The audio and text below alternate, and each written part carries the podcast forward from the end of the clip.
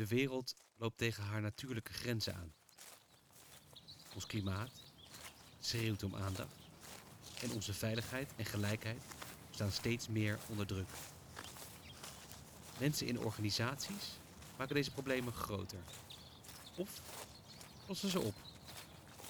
Om bij te dragen aan een betere wereld is leiderschap nodig dat werkt vanuit harmonie met de natuur. Maar wat voor soort leiderschap is dat dan? Hoe werkt dat in de praktijk? Welkom bij The Expedition, een podcast van Expedition Good Life met Daan van Lid als host. In deze podcast gaan we met je op zoek wat leiderschap voor een betere wereld is en wat we daarin kunnen leren van de natuur.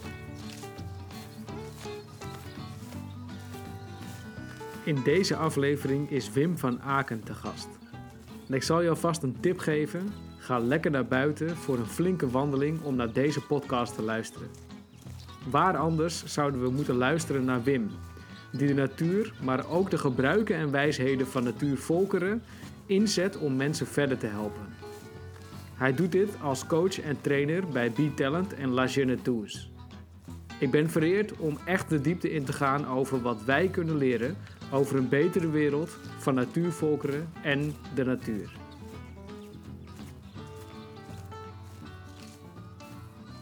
Wim, welkom bij de Expedition. Zoals je weet starten we elke aflevering met de vraag: wat is jouw betekenisvolle plek in de natuur? Daan, dankjewel voor de uitnodiging. Um, mijn betekenisvolle plek in de natuur, dat is niet één plek. Uh, voor mij is de natuur betekenisvol. En een betekenisvolle plek, dat is een plek waar de natuur ongerept is. Meer bepaald waar mijn zintuigen, mijn horen, mijn zien, mijn smaken, mijn ruiken, waar dat niet uh, uh, geconfronteerd wordt met, met menselijke aanwezigheid, met sporen van menselijke cultuur, menselijke beschaving. Op het moment dat ik in een ongerept uh, stuk natuur ben, waar, waar ik dit kan ervaren, heeft die plaats voor mij betekenis. Of dat nu in een oerbos is, of, of aan de kust, of in de bergen. En die betekenis komt vooral voort uit, uit dat die natuur uh, dat, ja, dat die al tijdloos is. En dat ik op zulke plek, dat ik als het ware door de tijd kan reizen. En dat die natuur dezelfde is als 100 jaar geleden, of, of 200 of 1000, of misschien zelfs 10.000 jaar geleden. En die natuur heeft op dat moment voor mij een, een, een betekenis als, als herbronning, als uh, een, een, een heling. In de zin van, we staan er vaak heel weinig bij stil hoezeer dat onze ruimte, dat onze omgeving, wordt ingenomen door, door menselijke verbeelding. De wereld waarin we hier leven, ik leef in, in West-Vlaanderen, in België, die ziet eruit door de verbeelding van, van de mensen die ons zijn voorgegaan. Zij hebben dit zich ingebeeld. Architectuur, de, de manier van vervoeren, van kleden, van leven. En, en die menselijke verbeelding is fantastisch. Hè? Dat is een van de zaken die, die ons, ons ons mensen uniek maakt. Dat wij die verbeelding hebben en dat we vanuit die verbeelding kunnen creëren. Maar dat betekent ook dat die, dat die verbeelding dat die, dat die ruimte inneemt. En door onze manier van leven vandaag, zeker in, in een stedelijke omgeving, wordt die ruimte quasi volledig ingenomen door, door de verbeelding van andere mensen.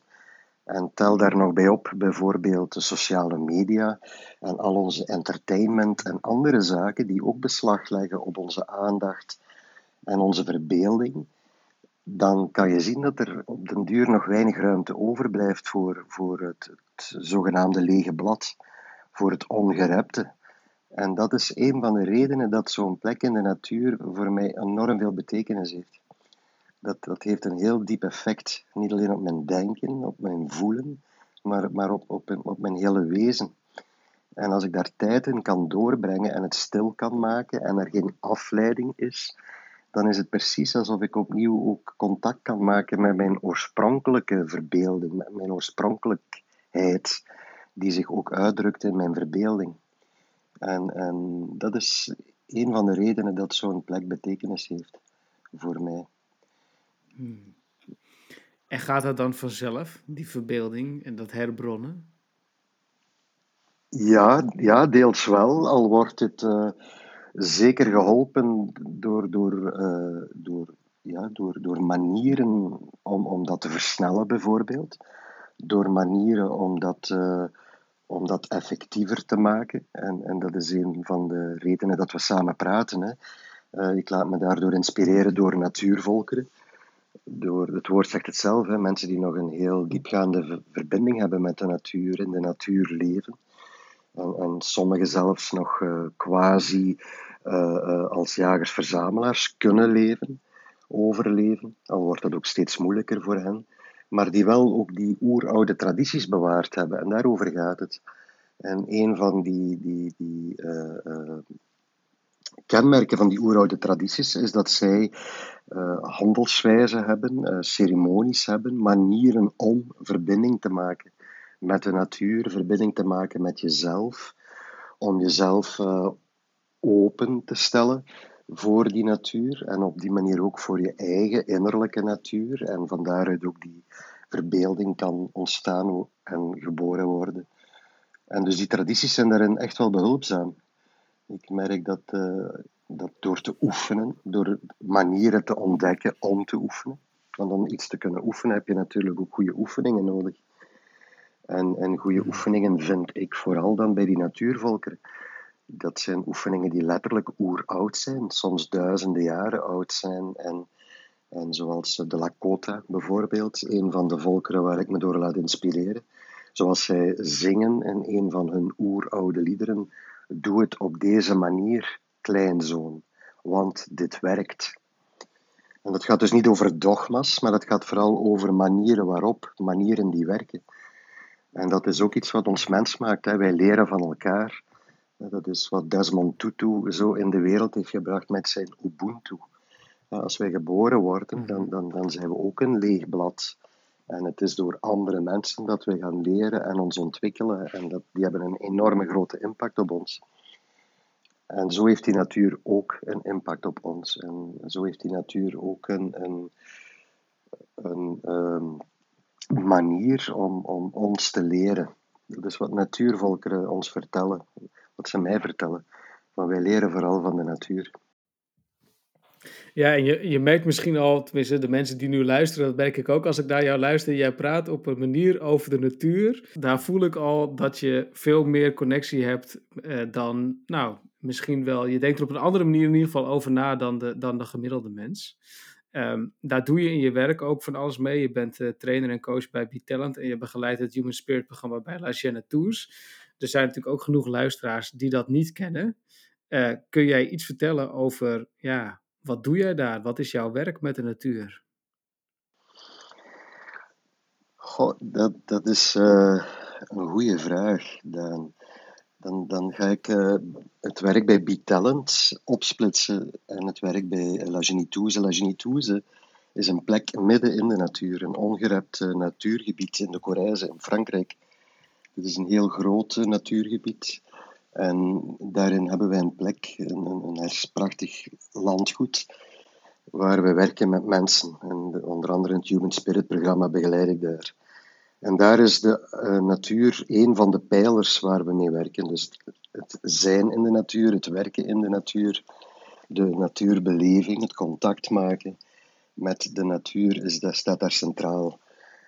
B-Talent, uh, het werk dat ik daar doe, ga ik vooral trainen en coachen in bedrijven in, in België, Nederland, Frankrijk, Duitsland, eh, UK, als in organisaties, uh, ziekenhuizen, psychiatrische instellingen, de politie, onze overheid hier in België, de federale overheid, enzovoorts. En daar is die, natuurlijk, die natuur meestal wat minder uitgesproken aanwezig. Maar voor mij als trainer, als, als coach, uh, is, is dat even belangrijk. Wat is, wat is de natuur? Voor mij is de natuur is de, de realiteit. Dat is de werkelijkheid. Het leven zoals het werkelijk is. Wij mensen hebben ook onze eigen natuur. En, en ik geef onder andere heel veel leiderschapsprogramma's. En voor mij is natuurlijk leiderschap daarin heel belangrijk. En dat natuurlijke leiderschap, dat onze menselijke natuur dat staat voor mij heel erg in verbinding met wat we hier de natuur noemen. Hè. Zoals ik daar straks al zei, de ongerepte natuur, de wildernis, zo je wil. En onze menselijke natuur, die wordt, denk ik, heel vaak wordt die een beetje gekoloniseerd door, door ons denken, door onze concepten, door ook vandaag hè, al die sociale en andere media die beslag kunnen leggen op onze aandacht, die uh, ons denken heel sterk kunnen beïnvloeden. Waardoor, ja, waardoor wij toch wel het risico lopen dat we wat minder contact hebben, eerst en vooral met onze eigen natuur en ook met de natuur rondom ons. Als ik kijk hoe wij hier leven in ons drukbebouwde West-Europa. Heel wat mensen hebben nog heel weinig contact met die natuur. En dat staat voor mij gelijk met, met je eigen natuur. Hoe, hoe kunnen we onze eigen natuur terug ontdekken? Hoe kunnen we terug contact maken met wie wij werkelijk zijn? Wij zijn meer dan, dan het idee dat we hebben over onszelf. We zijn meer dan dat fameuze ego waar vaak over gesproken wordt. We zijn meer dan ons denken. We zijn ook meer dan ons, ons handelen. Ons handelen is heel vaak uh, gekopieerd, aangeleerd gedrag, maar we zijn niet ons gedrag. Uh, ons gedrag is maar een uiting van, en heel vaak is het een uiting van datgene wat we meegekregen hebben, wat we geleerd hebben, heel vaak patroonmatig, net zoals ons denken. En die wilde natuur, onze eigen natuur die daaronder zit, dat ongerepte en, en tegelijkertijd uh, ook vaak onontdekte, uh, dat, uh, daar verbinding mee maken en van daaruit leven, dat is wat voor mij ja, natuurlijk leiderschap is, wat voor mij een, een natuurlijk mens zijn betekent. Vandaar mijn, mijn aantrekking tot natuurvolkeren. Dat is een heel mooi woord, hè, natuurvolkeren. En het gaat me niet zozeer over het feit dat er nog een aantal volkeren zijn op onze planeet die, die als jagers-verzamelaars kunnen uh, leven en overleven. Ze doen dat heel vaak niet meer omdat het moeilijker wordt of makkelijker is geworden om ook te consumeren. Maar ze kunnen het wel nog. Ze hebben nog de kennis, de wijsheid en zelfs de mogelijkheden in beperkte mate om dat te doen. Maar voor mij gaat het, het, vooral naar die natuurvolkeren, omdat ik merk dat zij manieren hebben, tradities hebben, om, om hun eigen natuur te gaan eren, te gaan ontdekken, te gaan ontwikkelen. En vanuit die eigen natuur te leven, wat maakt dat ze een bepaalde authenticiteit hebben, uh, een bepaalde uh, unieke wijze om zichzelf uh, in de wereld te brengen, om te communiceren om verbinding te maken met elkaar. En dus die, die zaken lopen door elkaar, hangen mhm. samen, hangen heel sterk samen. En in die zin is er voor mij geen onderscheid tussen B-talent uh, eh, in bedrijven, uh, heel vaak in steden, in, in mooie vergaderzalen. En het Human Spirit programma in midden in de natuur, waar we heel vaak buiten werken, in de bossen werken, in de rivier gaan, enzovoort. Maar dan moet je toch even uitleggen. Je zei net, uh, we zijn niet ons denken en we zijn ook niet ons gedrag. En wat jij eigenlijk probeert is met de wijsheden van, dus, eh, zoals jij net noemt, natuurvolkeren, mensen, als ik het even in mijn eigen woorden mag zeggen, dichter bij zichzelf te brengen of dichter bij hun eigenlijke natuur te brengen. Maar wat zijn we dan wel, Wim, als we niet ons denken en onze gedrag zijn? Uh, dat is misschien wel het grootste mysterie, dan. Ja. Ons zelf kennen, hè, dat zeiden de oude Grieken al. Dat is het grootste avontuur dat we kunnen aangaan in ons leven. En niet, niet zozeer als een, een, een verkrampte zoektocht van ik wil weten wie ik werkelijk ben, hmm. maar meer als een, een open houding van een, een liefdevolle en milde nieuwsgierigheid. Van wat leeft er in mij? En wat gaat er in mij om? En, en welke stemmen uh, hoor ik nog, behalve die luide stem, hè, die, die, die, die vaak het hoge woord voert en zegt wat ik moet doen en aan welke verwachtingen ik moet voldoen en, enzovoorts. Maar, maar welke stillere stemmen leven er ook in mij, die spreken over diepere verlangens, over uh, diepere wijsheid en uh, ik denk dat het, uh, ja, het, is, wij, zijn, wij zijn één geheel van, van verschillende facetten. Hmm. En, en, dat denken is daar een onderdeel van. Maar onze manier van leven, onze cultuur, je pense, donc, je suis, we hebben dat hmm. meegekregen generaties lang, heeft dat denken een heel prominente plek gegeven. Dat dat rationele, dat deel van, van ons menselijk bewustzijn, en ik heb alleszins gemerkt in mijn opgroeien, in mijn opvoeding, dat ik daar behoorlijk in vastgelopen ben. En, en dat op een bepaald moment dat ik echt gemerkt heb, dat ik, loop daarin vast.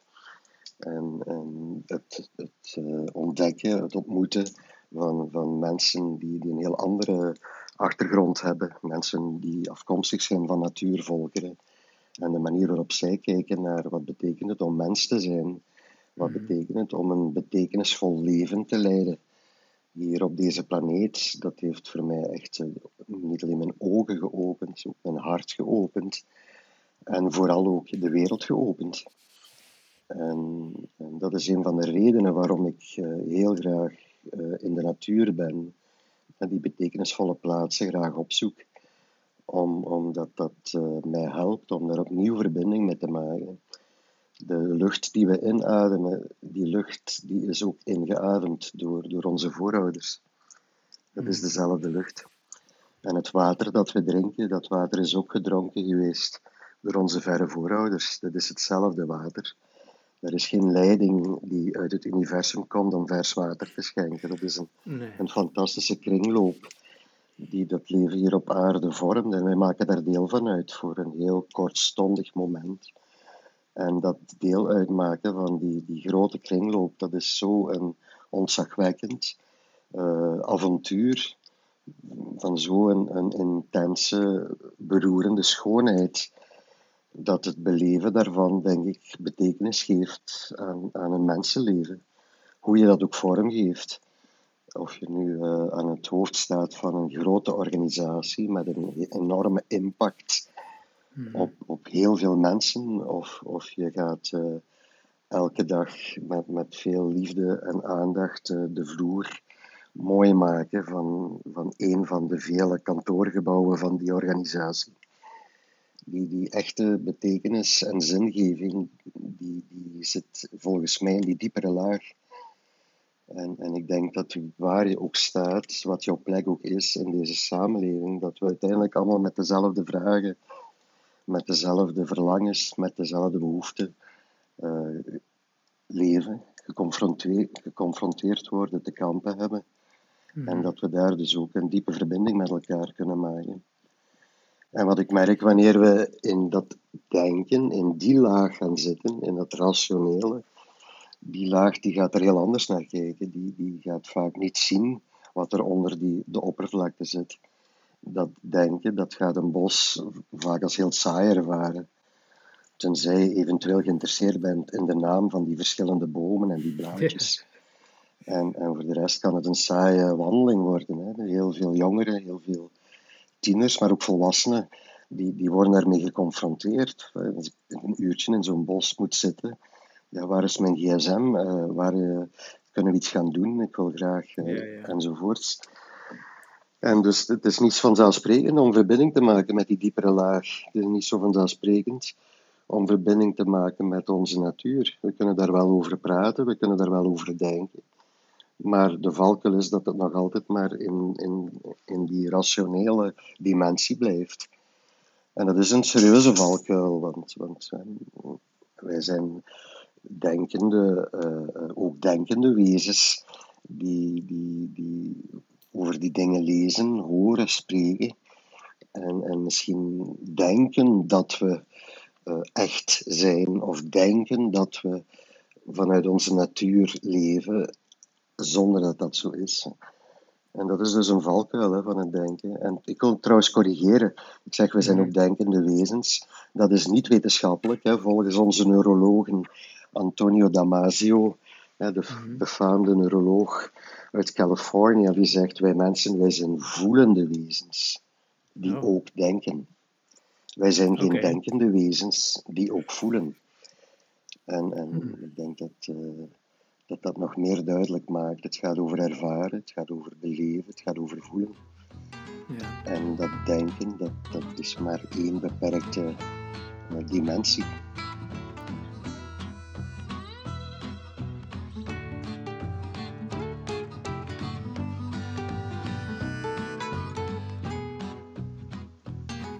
En hoe helpen de tradities die jij kent of het denken van de, van de natuurvolkeren, zoals jij ze net noemt, hoe helpt dat ons dan om daar dichterbij te komen? Heb je daar voorbeelden van? van misschien hoe jij dat inzet of hoe zij dat, hoe zij dat zelf doen? Ehm, ja, heel veel voorbeelden. Eh, misschien vooral hoe ik hen dat zie doen, hoe ik dat van hen leer en, Mhm. en hoe ik dat ge- gezien heb. Ehm, laten we iets eenvoudig nemen, hè, als, als eh, een steen. Voor, voor natuurvolkeren is die steen een levend wezen. En, en voor mij was vroeger die steen gewoon een steen Mhm. waar ik misschien een keer eh, mee gooide of een keer tegen trapte. Maar voor, voor natuurvolkeren, welke tradities dat ook zijn, of dat nu in, Noord-Amerika is of in Australië, of, of eh, waar dan ook, voor natuurvolkeren is die steen een levend wezen, maakt die deel uit van die ontzagwekkende kringloop van het leven hier op deze planeet. Als ik voor het eerst in een zweethut ceremonie zat, en dat is een, een deel van het antwoord op jouw vraag, hè, dat is een van de manieren waarop zij dat beleven, dat is door ceremonie te doen. Een zweethutceremonie, dat is een, een, een kleine hut van wilgetakken, bedekt met dikke lage dekens om die lucht en licht dicht te maken, waar dan in het midden in een kuil roodgloeiende stenen worden gebracht, waar dan water over gegoten wordt. En, en hè, dit lijkt eh, uiterlijk een beetje op een sauna, een heel hete, bloedhete sauna. En eh, het is een heel lage hut, hè. je zit daar heel eh, gekromd in. En, en als ik voor de eerste keer in, in, in zo'n een ceremonie zat met een traditionele ceremonieleider, een Chippewa Cree uit, het, uit Canada, die man die noemde die stenen grootvaders. Hmm. En, en ja, dat klonk mij een beetje, hoe noem je dat, een beetje esoterisch, een beetje Ja. eh, eh, eh, wel spiritueel in de, in de oren. En ik vroeg die man, waarom noem je, hoe noem je die stenen uw grootvaders? Ik ben nogal nieuwsgierig van aard. Mhm. En die, die man die antwoordt, omdat dat onze grootvaders zijn, zegt hij. Kijk, zegt hij, als je kijkt naar het leven hier op deze planeet. eh, vroeger was het vuur. Dat vuur is gestold, dat is steen geworden. Door dat stollingsproces is er ook water. Het water noemen we grootmoeder. Dat water dat wrijft gedurende eeuwen over die stenen. En daar komen heel kleine partikeltjes los, zegt hij. Dat water neemt die kleine partikeltjes mee, zet dat af aan de oever, dat is slip. Uit dat slip groeien plantjes. Die plantjes die worden geëten door dieren. Wij mensen eten die dieren en die plantjes. Op die manier komen die partikeltjes in ons en die bouwen ons lichaam op. Wij zijn die partikeltjes. Dus zijn dat dan niet onze grootouders, die stenen? Goh, ja, dat lijkt me een heel gezonde eh, manier om te kijken naar de realiteit. En dat is een van de zaken wat mij heel diep geraakt heeft bij natuurvolkeren, is hoe ze met beide voeten in de realiteit staan. En, en hoe dat wij dat vaak niet herkennen, omdat we zelf zo ver afstaan van die realiteit. Dat water is onze grootmoeder, omdat voor een heel groot deel zijn we opgebouwd uit dat water. Wij zijn dat water, letterlijk. We zijn negen maanden lang hebben we in dat water kunnen groeien, het vruchtwater. Via dat water zijn we de wereld ingestroomd. En elke dag drinken we water en, en, en stroomt dat water door ons en die partikeltjes mee enzovoorts. Dus zij erkennen eigenlijk die, die grote kringloop, hoe wij deel uitmaken van, van, van het leven hier op deze aarde. En in een ceremonie wordt dat benoemd, bijvoorbeeld tegen de stenen, welkom grootvader.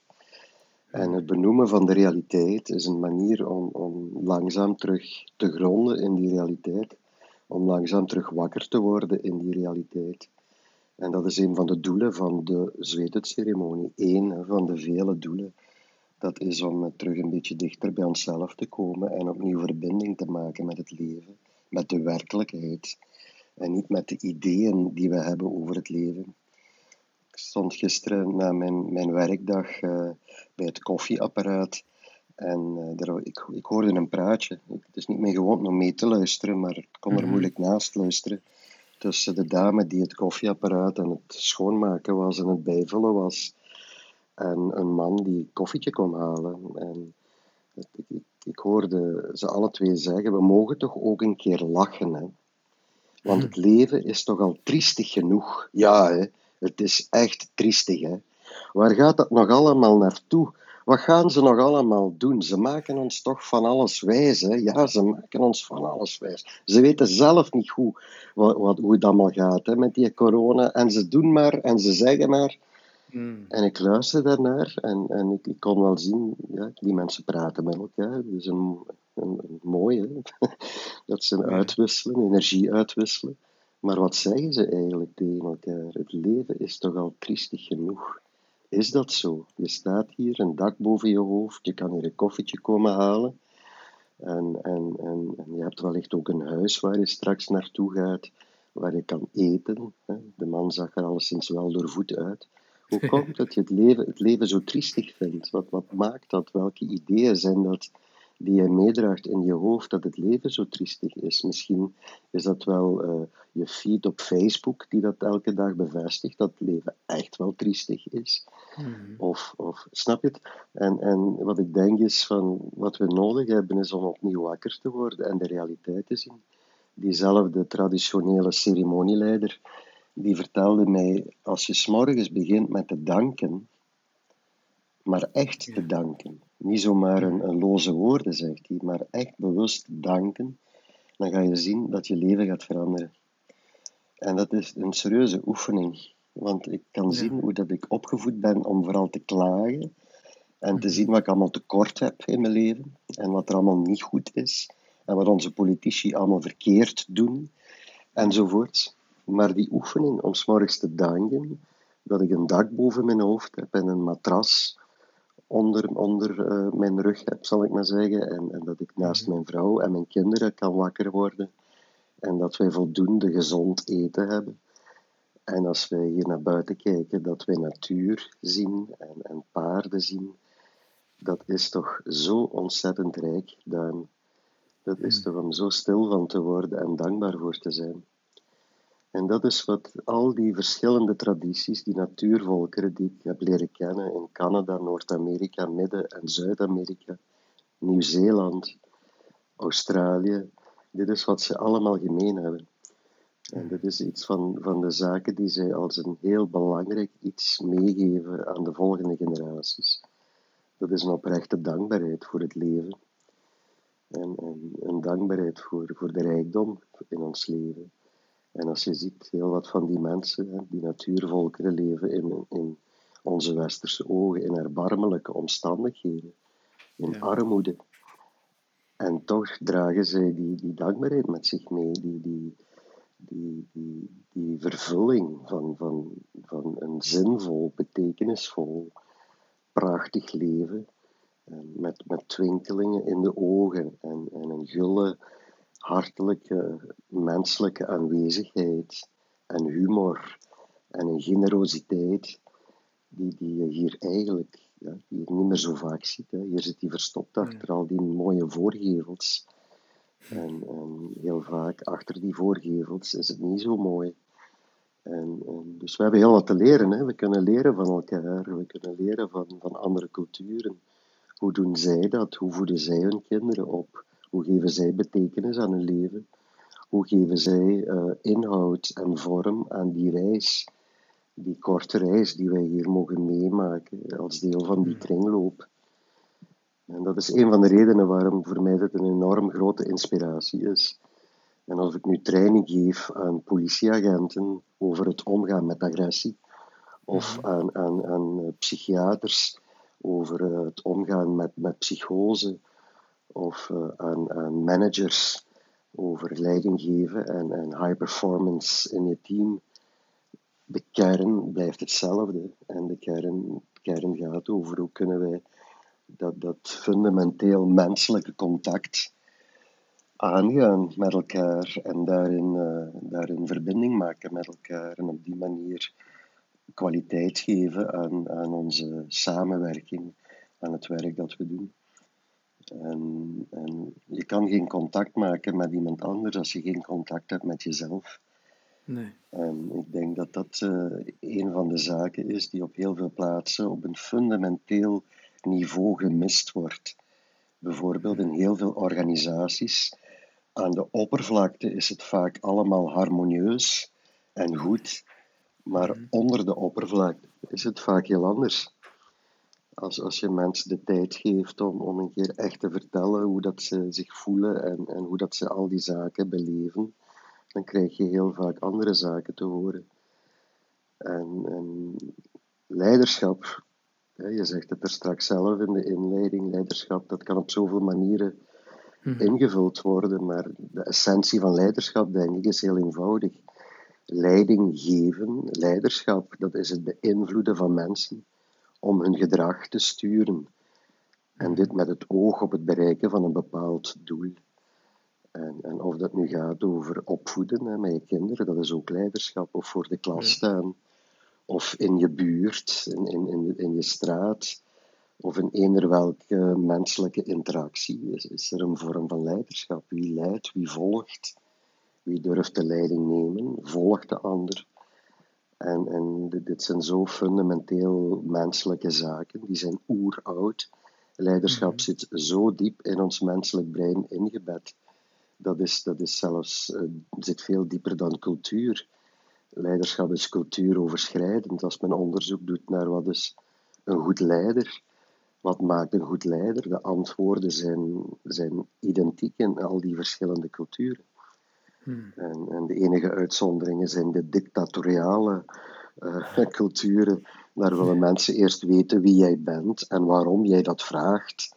Mhm. En als ze jou dan vertrouwen, krijg je dezelfde antwoorden. Wat, wat maakt een goede leider? En, en ik denk dat is de natuur van leiderschap. Dat is natuurlijk leiderschap.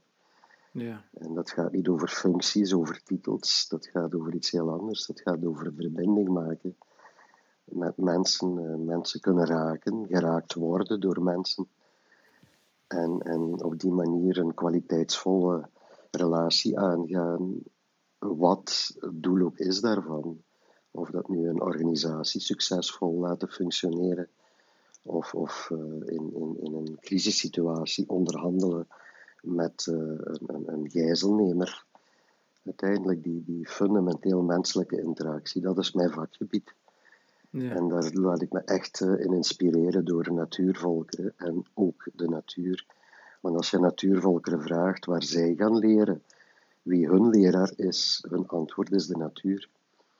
En je zegt ehm, dat de basis van leiderschap, althans zo, zo vertaal ik hem dan, of zo vat ik hem samen, de basis van leiderschap is dan eigenlijk eerst het heel goed kennen van jezelf, waar we het net ook al een beetje, of een beetje, meer dan een beetje over hadden. Hè? Dus het echt goed in contact komen met jezelf en dan niet be- be- beseffen dat je niet alleen maar bestaat uit het denken en je gedrag. Ehm, en volgens mij, wat je ook nog beschrijft, is ehm, weten dat wij allemaal onderdeel zijn van die grote kringloop die, nou ja, de, de aarde en alles wat daaromheen zit, is. Ehm, en dus ook met dat besef door de wereld heen stappen. Zijn dat dan, zijn dat dan de kernelementen van, van natuurlijk leiderschap? Ja, ja, zeker. Dat is een deel daarvan. Hè. Mhm. Ik denk dat eh, elk leiderschap begint met eh, het erkennen van de realiteit. Met je twee voeten stevig gegrond in de realiteit staan. En, en in heel veel organisaties wordt er zoveel nadruk gelegd op een gedeelde visie. Ja. En er wordt te weinig nadruk gelegd op een gedeelde realiteit. En een gedeelde visie is gemakkelijk. Hè? Make America great again. Prima, hè? dat is een fantastische visie. Eh, maar laten we eens kijken naar de realiteit van waaruit je die visie gaat uitspreken. Hoe zie jij de realiteit? Hmm. Wat, wat is voor jou de realiteit? Hoe kijk jij naar de werkelijkheid? Wordt die vooral gevoed door Fox News Channel? Of wordt die gevoed door het werk dat je doet met verslaafden en daklozen in de, de buitenwijken van een of andere grootstad? Dan ga je op een heel andere manier invulling geven aan die visie Make America Great Again. En ik denk dat de aandacht begint met de realiteit. En wat ik merk in mijn werk, waar dat ook is, wat de context ook is, het is diegene die met zijn voeten stevig in de realiteit staat en, en die echt in het hier en nu de werkelijkheid kan erkennen. Dat, dat die heel makkelijk het leiderschap kan nemen. En mensen gaan heel snel daardoor door geraakt worden. Ja. Dan wanneer je praat vanuit ideeën en concepten, want het leven is toch triestig genoeg. Hè? Ja, het is triestig, zeg maar. Uh, maar de realiteit kan ook heel confronterend zijn, toch? Ik bedoel, de echte... Absoluut, ja. absoluut, ja, ja, natuurlijk. En daarom vertellen we toch niet altijd. Ik bedoel, het is toch... Als ik de realiteit in elke organisatie waar ik heb gewerkt de hele tijd over mijn realiteit zou gaan praten, dan wordt het, dan wordt het toch ook een heel ingewikkeld gesprek, de hele dag. Gewoon, ja, ik denk dat het niet gaat uh, over jouw realiteit. Hè. Als, ik hmm. word, uh, uh, als ik word betaald door een organisatie om hen te trainen, dan ga ik vooral teruggeven wat ik zie in hun realiteit, wat ik daar zie. En dat is wat ik zie. Dat is niet de waarheid. Dat is wat ik zie. En, en, maar dat is wel voor mij de realiteit die ik zie. En, en ik denk dat we, dat we de realiteit nooit kunnen kennen. Bij natuurvolkeren gaan ze altijd in een cirkel zitten. Ja. Ik in mijn trainingen ook. En, en niet, eh, al wordt er soms nog altijd wat lacherig over gedaan, oh, een praatgroep. Hè. Ja. En, en, maar, maar dat heeft zin dat je in een cirkel zit. En als je kijkt naar natuurvolkeren, in het midden van die cirkel, dat is de realiteit. En we kijken allemaal vanuit onze eigen plek naar die realiteit. En we zien dus allemaal maar een stukje daarvan. En wat ik zie, dat kan jij niet zien, want jij zit op een andere plek. En wat jij ziet, kan ik niet zien. Maar als ik naar jou luister, als ik heel goed luister naar jou, dan kan ik een beter beeld krijgen van wat daar in het midden van die cirkel is. En dus als we allemaal heel goed naar elkaar luisteren, heel die cirkel, dan kunnen we toch al een min of meer, meer volledig beeld krijgen van die realiteit. Maar wat gebeurt er in de praktijk vaak? Ik zeg wat ik zie en jij zegt nee, dat is niet wat ik zie. En dan beginnen we te discussiëren over, over wie gelijk heeft. Dus wat hebben ze dan gedaan? Ze hebben ene vooraan de klas gezet en de rest uh, zit achter elkaar. moet luisteren. Ja, ja. en die vooraan mag dan bepalen wat hij ziet en dat is de realiteit. En, en dat is geen manier om, om, om, om ja, wijsheid, zelfs kennis te gaan, uh, te gaan genereren. Ja. En dat brengt ons bij, bij het medicijnwiel. Mm Dat brengt ons hè, toch het onderwerp van, van, uh, van het gesprek. Ja, nou, het gaat, het gaat over een hoop, maar we zouden het ook over het medicijnwiel hebben, inderdaad. je zegt zoveel mooie dingen, ik denk, we gaan er gewoon helemaal niet over beginnen. Maar oké, het, is, het is ook oké om daarover te beginnen. Ja, beste luisteraar, je bent alweer 40 minuten onderweg op je wandeling. Mijn gesprek met Wim gaat nog wel even door. Wat het medicijnwiel is, wat we daarvan kunnen leren in leiderschap voor een betere wereld. Dat volgt in deel 2 van deze podcast met Wim van Aken. Je luisterde naar een aflevering van The Expedition. Op zoek naar leiderschap voor een betere wereld, geïnspireerd door de natuur. Graag tot een volgende keer.